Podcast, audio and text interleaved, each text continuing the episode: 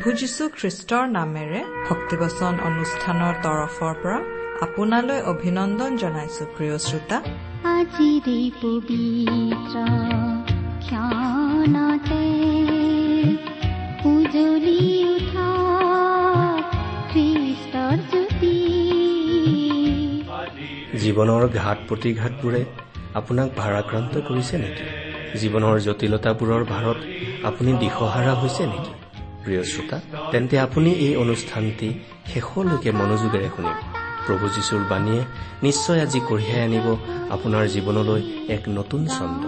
দিশহাৰা জীৱনক এক সঠিক দিশ প্ৰদৰ্শন কৰিবলৈ এয়া আপোনালৈ আগবঢ়াইছো পবিত্ৰ বাইবেল শাস্ত্ৰৰ শিক্ষামূলক অনুষ্ঠান ভক্তিবচন।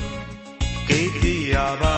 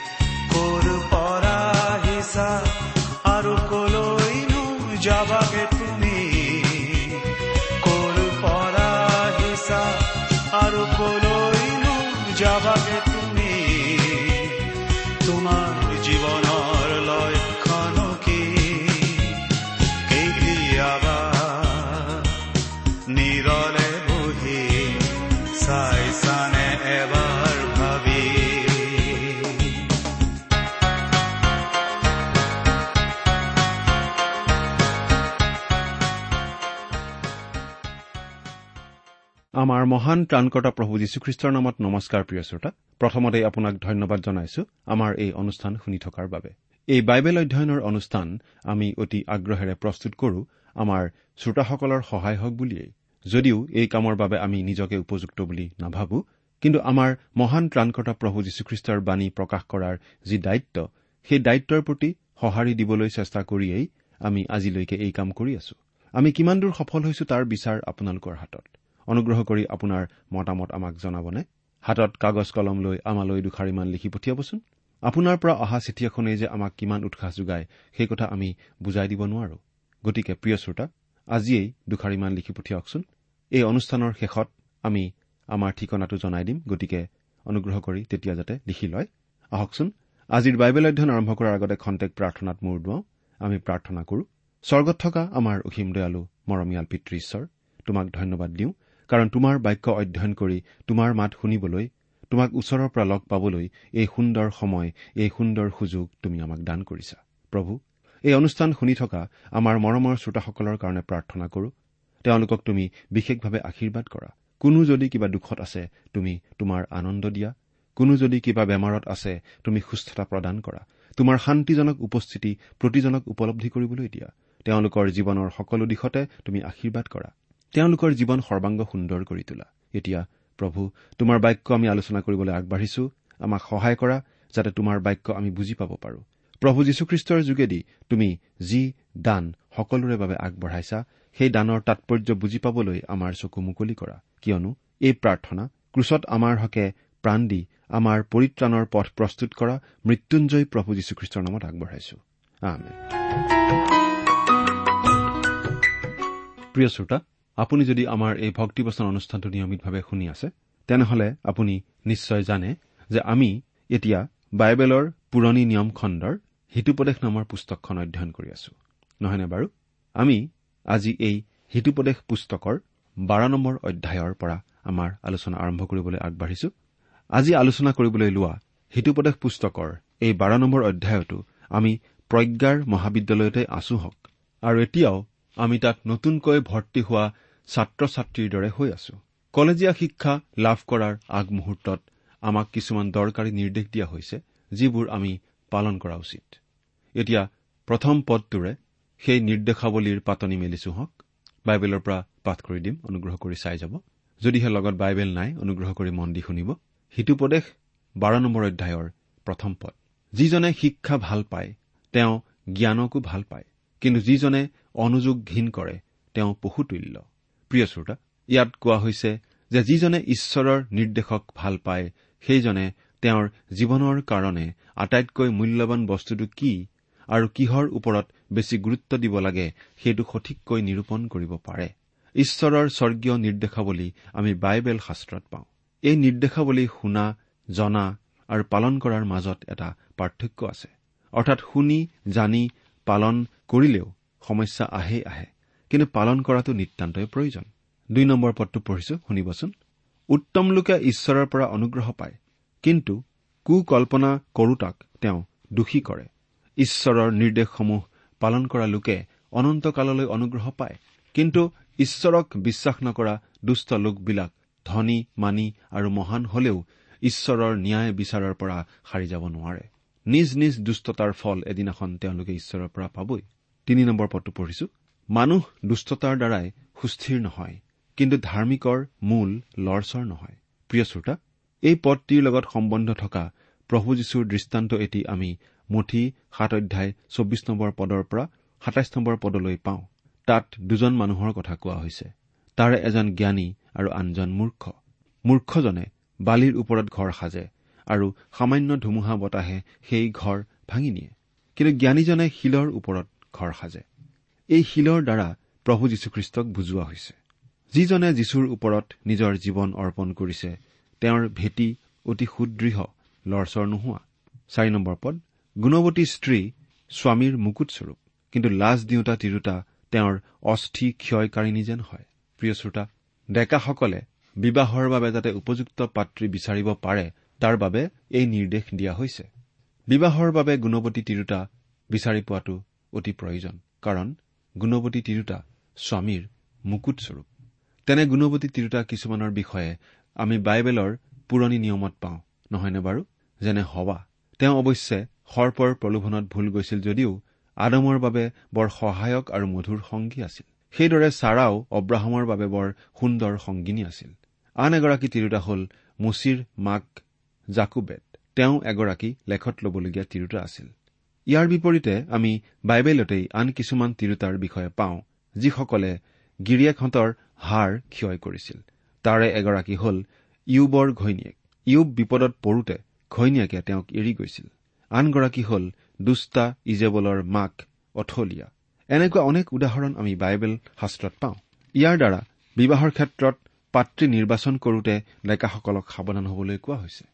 পাঁচ নম্বৰ পদৰ পৰা সাত নম্বৰ পদলৈ পাঠ কৰি দিছো। শুনিবচোন। ধাৰ্মিকবিলাকৰ সংকল্পবোৰ ন্যায়। কিন্তু দুষ্টবোৰৰ মন্ত্ৰণা চল মাথোন। ৰক্তপাত কৰিবলৈ খাপ দিয়াৰ বিষয়ে দুষ্টহঁতে কথা পাতে। কিন্তু সৰলবিলাকৰ মুখে তেওঁবিলাকক ৰক্ষা কৰে। দুষ্টবোৰ বিনষ্ট হৈ নাইকিয়া হয় কিন্তু ধাৰ্মিকবিলাকৰ ঘৰ বাৰী থিৰে থাকে। প্ৰিয় শ্ৰোতা ইয়াত দুষ্টৰ দ্বাৰা আইনহীনসকলক বুজোৱা হৈছে। ঈশ্বৰে আইন শৃংখলাত বিশ্বাস কৰে। আইন ৰক্ষাৰ বিষয়ে ঈশ্বৰে বহুতো কথা কৈছে। আইনহীন লোক অস্থিৰ আৰু তেওঁলোকৰ মনৰ কল্পনাও বেয়া। আঠ নম্বৰ পদটো পঢ়িছো। মনুষ্যই নিজ বুদ্ধি কৌশল অনুসাৰে প্ৰশংসা পায় কিন্তু কুটিল মনৰ লোক তুচ্ছনীয় হয়। প্ৰিয় শ্ৰোতা কুটিল লোক যে সমাজৰ মাজত নিন্দনীয় এই কথা সঁচা। উদাহৰণস্বৰূপে আমি গিডিয়ন আৰু তেওঁৰ পুত্ৰ অবিমেলকক ল'ব পাৰো। প্ৰজ্ঞা অনুসাৰে গিডিয়ন প্ৰশংসাৰ পাত্ৰ আছিল কিন্তু তেওঁৰ পুত্ৰ অবিমেলক নিন্দনীয় আছিল। ন নম্বৰ পদ দাস থকা সামান্য লোক খাবলৈ নোপোৱা আত্মগৰ্বী লোকতকৈ উত্তম। প্ৰিয় শ্ৰোতা সহজ কথাত কবলৈ গ'লে খাবলৈ নাপাই ধুন পেচ মাৰি ফুৰা মানুহতকৈ পৰিশ্ৰম কৰি নিজৰ পেটৰ ভাত নিজে গোটোৱা লোক উত্তম। লাগিলে তেনে লোক হীনেই হওক বা দাসেই হওক। ঈশ্বৰৰ দৃষ্টিত তেনে লোকৰ মৰ্যাদা বহুগুণে বেছি। দহ নম্বৰ পদ। ধাৰ্মিক লোকে নিজ পশুৰ প্ৰাণলৈ চিন্তা কৰে। কিন্তু দুষ্টবোৰৰ দয়া নিষ্ঠুৰতাযুক্ত। এই কথা সঁচা যে ধাৰ্মিক অৰ্থাৎ ঈশ্বৰক ভয় কৰা লোকে মানুহক প্ৰেম কৰাৰ উপৰিও নিজৰ পশুকো মৰম কৰে আৰু সিবিলাকৰ যত্ন লয়। এঘাৰ নম্বৰ পদ যি মানুহে নিজৰ মাটি চহায় তেওঁ জোৰাওকৈ আহাৰ পায়। কিন্তু যি মানুহ অসাৰ লোকবিলাকৰ অনুগামী তেওঁ জ্ঞানশূন্য। ইয়াৰ দ্বাৰা কোৱা হৈছে যে যি লোকে নিজৰ কাম পৰিশ্ৰম আৰু মনোযোগেৰে কৰে তেওঁ খাবলৈ পায়। কিন্তু লৰি ফুৰা আৰু মনোযোগেৰে নিজৰ কাম নকৰা মানুহ অভাৱত পৰে। বাৰ নম্বৰ পদৰ পৰা পোন্ধৰ নম্বৰ পদলৈকে পাঠ কৰি দিম। দুষ্টই দুৰ্জনবোৰৰ জাললৈ ইচ্ছা কৰে কিন্তু ধাৰ্মিকবিলাকৰ মূল ফলদায়ক।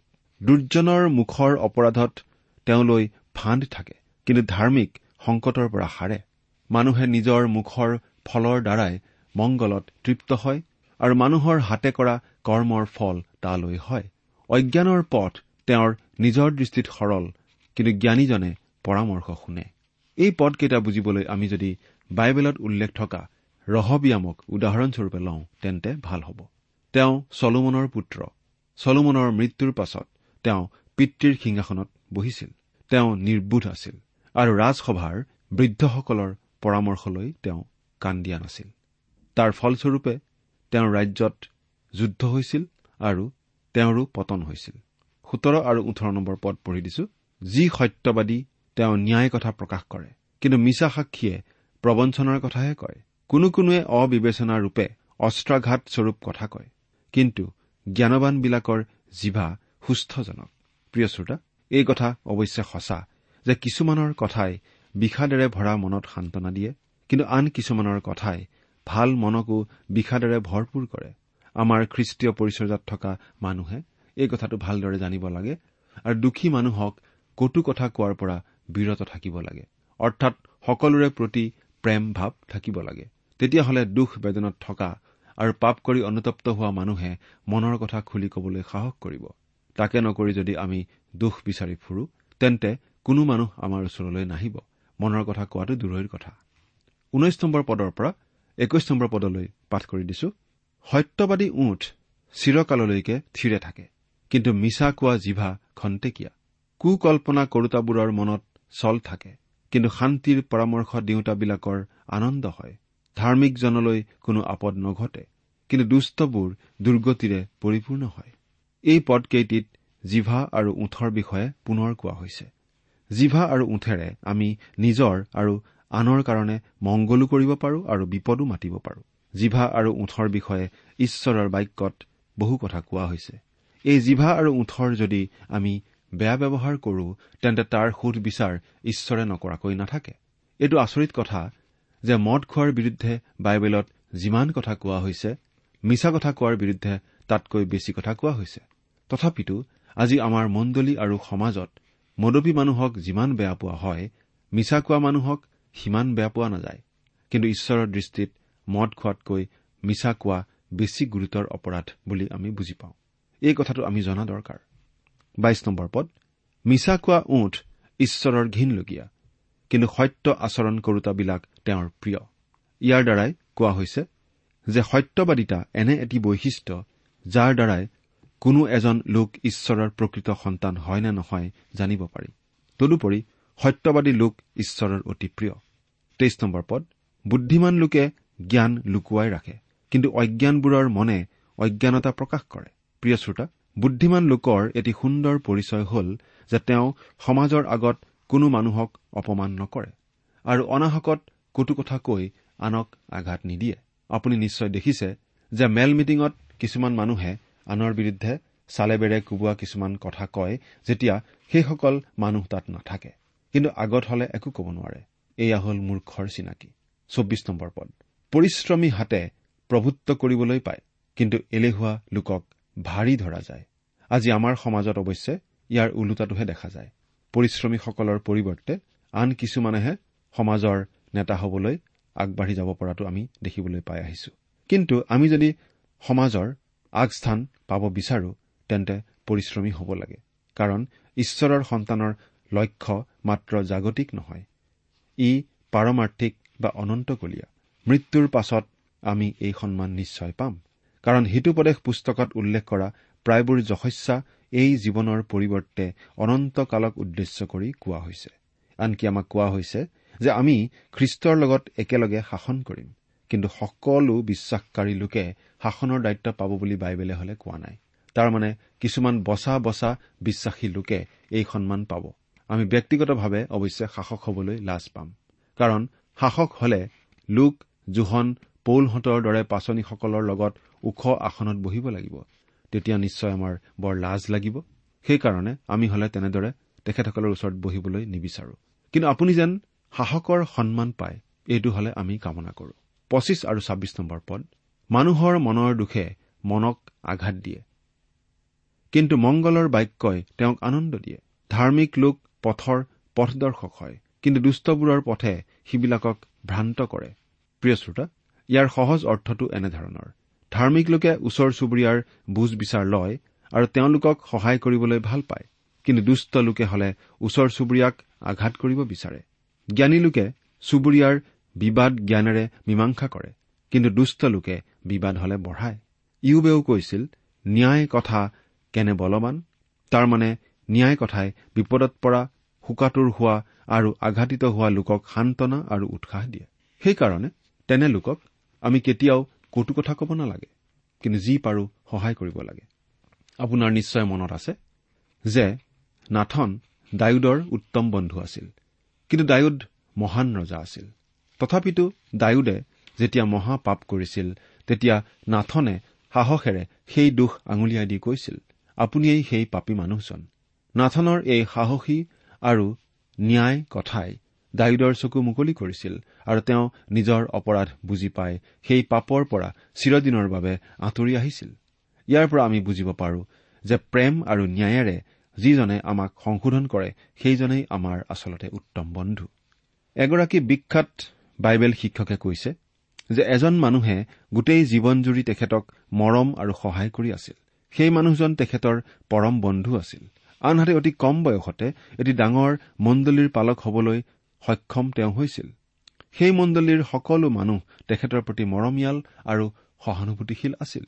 সেই সময়ছোৱাতে তেখেতে এখন ডাঙৰ খ্ৰীষ্টীয় সভালৈ গৈছিল। তাত সেই মহান শিক্ষক এজনে যেনেকুৱা ভাৱ ভংগীমাৰে শিক্ষা দিছিল সেইবোৰ চাই সেই শিক্ষকজনে শিক্ষকজনৰ প্ৰতি বৰ আকৰ্ষিত হৈছিল আৰু নিজেও তেনে ভাৱ ভংগীমাৰে শিক্ষা দিবলৈ আৰম্ভ কৰিছিল। অৰ্থাৎ কথা বতৰা চাল চলন সকলোতে তেখেতে সেই শিক্ষকজনৰ নিচিনা কৰিবলৈ চেষ্টা কৰিছিল। এই কথা মণ্ডলীৰ সকলোৱে লক্ষ্য কৰিছিল। কিন্তু কোনেও একো কোৱা নাছিল। কিন্তু তেখেতৰ পৰম বন্ধু সেই ব্যক্তিজনে অকলশৰে তেখেতক কৈছিল তুমি কোনো এজনৰ নকল হোৱাতকৈ তুমি তুমিয়েই নোহোৱা কিয়? তুমি প্ৰকৃত তুমি হোৱাটোহে মই বিচাৰো। তাৰ মানে কৈছিল তুমি আনক দেখুৱাবলৈ কাকো নকল নকৰিবা। এই কথা শুনি সেই শিক্ষকজনৰ মনলৈ সচেতনতা আহিল আৰু তেখেতে আগৰ ধ্যান ধাৰণা সলনি কৰি নিজৰ থাচ আৰু ভাৱ ভংগীমাৰে চলিবলৈ আৰু শিক্ষা দিবলৈ আকৌ আৰম্ভ কৰিলে। আৰু তেখেত এজন প্ৰকৃত ব্যক্তি হিচাপে পৰিচিত হ'ল। যিজনৰ দ্বাৰাই প্ৰস্তুত হোৱা ধাৰাবাহিক আলোচনাবিলাক আজি আপুনি এই ভক্তিবচনৰ যোগেদি শুনিবলৈ পাই আছে। সেইকাৰণে তেখেতে উপলব্ধি কৰিছে যে ন্যায় কথা কিমান বলৱান। ন্যায়বান মানুহে ওচৰ চুবুৰীয়াৰ বুজ বিচাৰ লয় আৰু তেওঁলোকক সহায় কৰিবলৈ নিৰ্ভয়ে ন্যায় কথা কয়। কিন্তু দুষ্টবোৰৰ কথাই ওচৰ চুবুৰীয়াক বিপদত পেলায়। আমাৰ সমাজত আজি হাঁহি হাঁহি মতা আৰু ৰেপি ৰেপি কটা মানুহৰ অভাৱ নাই। এয়া হ'ল দুষ্ট লোকৰ এটি বিশেষত্ব। তেওঁলোকে পিঠিত কোব মাৰি মাৰি মুখেৰে সুন্দৰ কথা কৈ সান্তনা আৰু উৎসাহ দিয়ে।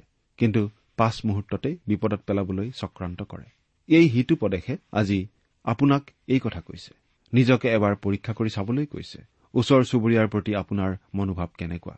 আপোনাৰ মুখৰ কথাই তেওঁলোকক সহায় কৰে নে বিপদত পেলায়? প্ৰজ্ঞাৰ দৃষ্টিত আপুনি জ্ঞানী নে মূৰ্খ? এই কথা প্ৰতিজন ব্যক্তিৰ জীৱনত পৰীক্ষা কৰি চাবলৈ কোৱা হৈছে। আৰু আমি যদি সঁচাকৈ জ্ঞানী হওঁ তেন্তে আমাৰ সমাজত পৰিয়ালত আৰু মণ্ডলীত কোনো কোনো ধৰণৰ কণ্ডল আৰু খেলি মেলি নিশ্চয় কেতিয়াও নহ'ব। সাতাইছ নম্বৰ পদ। এলেহুৱাই চিকাৰত ধৰা পশু নিসিজায়। কিন্তু পৰিশ্ৰমী লোকে মানুহৰ বহুমূলীয়া বস্তু লাভ কৰে। প্ৰিয় শ্ৰোতা এই পদটিৰ আচল কথাখিনি বৰ হাঁহি উঠা। হলেও কিন্তু মিছা নহয়। এনেকুৱা এলেহুৱা মানুহ আমাৰ মাজত আছে যিয়ে চিকাৰ কৰি হৰিণা মাৰে কিন্তু ঘৰলৈ আনি ছাল বখলিয়াই সিজাই খাবলৈ হলে বৰ এলাহ কৰে। এনেকুৱা এলেহুৱা মানুহ আপুনি দেখিছেনে বাৰু? নেদেখিলেও কিন্তু এনেকুৱা মানুহ আছে। এনে মানুহ স্বাভাৱিকতেই অভাৱত পৰে আৰু নিজৰ বহুমূলীয়া বস্তু নষ্ট হৈ যায়। কিন্তু পৰিশ্ৰমী মানুহে নিজৰ বস্তু যতন কৰি ৰাখে নষ্ট হবলৈ নিদিয়ে। তেনে লোক স্বাভাৱিকতেই সম্পত্তিশালী আৰু চহকী হয় আৰু নতুন নতুন বস্তু পাবলৈ সক্ষম হয়।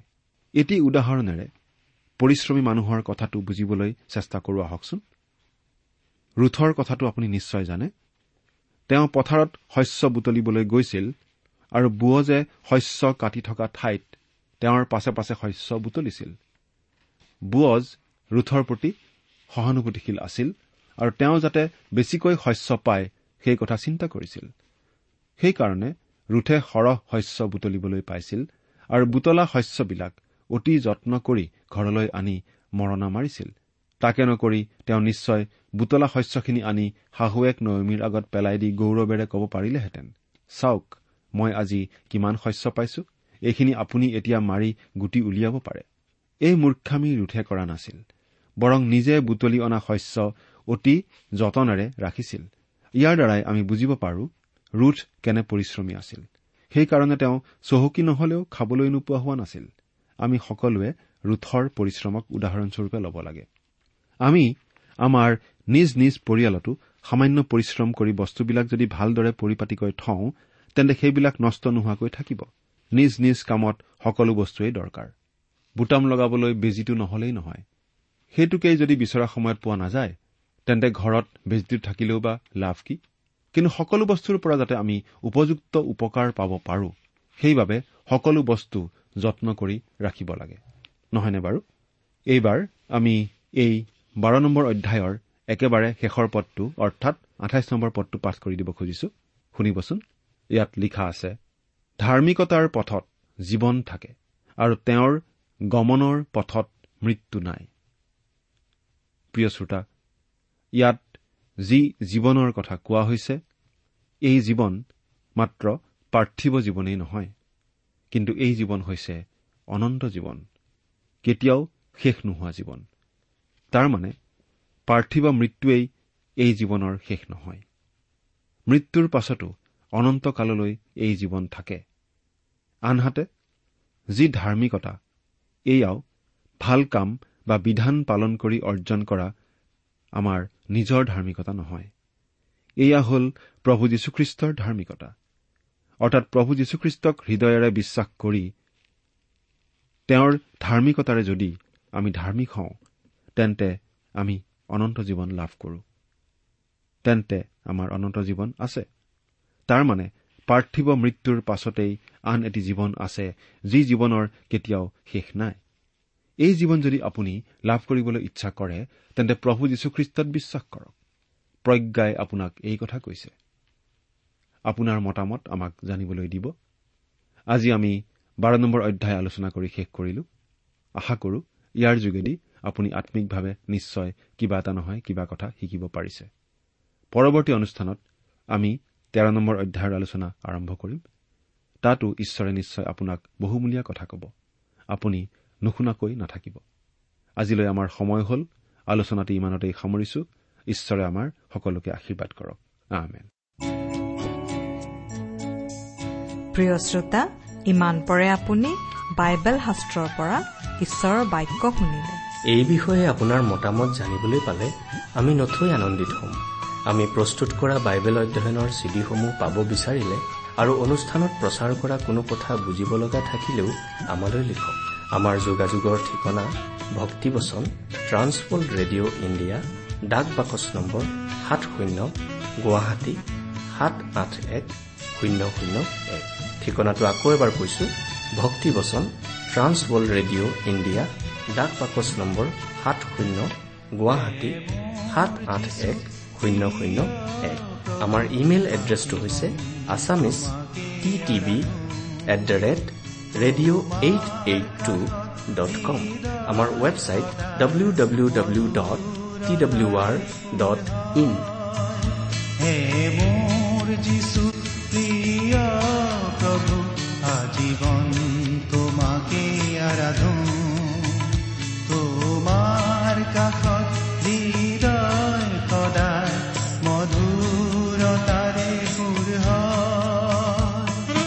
আপুনি টেলিফোনৰ মাধ্যমেৰেও আমাক যোগাযোগ কৰিব পাৰে। আমাৰ টেলিফোন নম্বৰটো হৈছে nine eight five four zero' four zero' eight eight nine. Phone নম্বৰটো আকৌ এবাৰ কৈছো ন আঠ পাঁচ চাৰি শূন্য চাৰি শূন্য আঠ আঠ ন। আপুনি এই ভক্তিবচন অনুষ্ঠানটি আমাৰ website radio' eight eight two dot কমতো শুনিব পাৰিব। জীৱন পথ যেতিয়া হতাশানে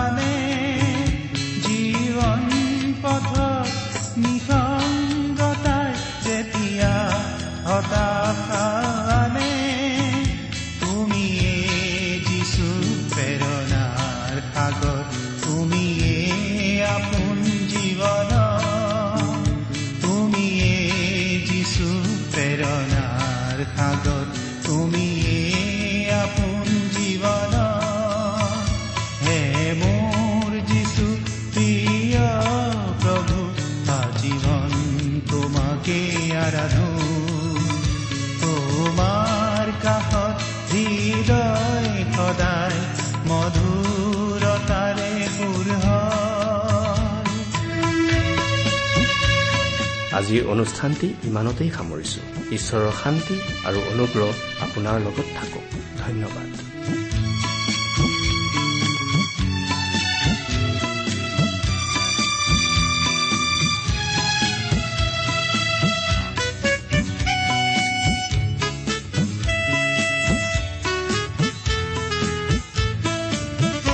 যদিও আছে প্ৰতিটো ছায়া জীৱন। যদিও আছে প্ৰতিটো খোজতে দুখৰ ছায়া জীৱন। তুমিয়ে গভীৰ সান্তনাৰ সাগৰ তুমিয়ে সাধনা জীৱন। তুমিয়ে গভীৰ সান্তনাৰ সাগৰ তুমিয়ে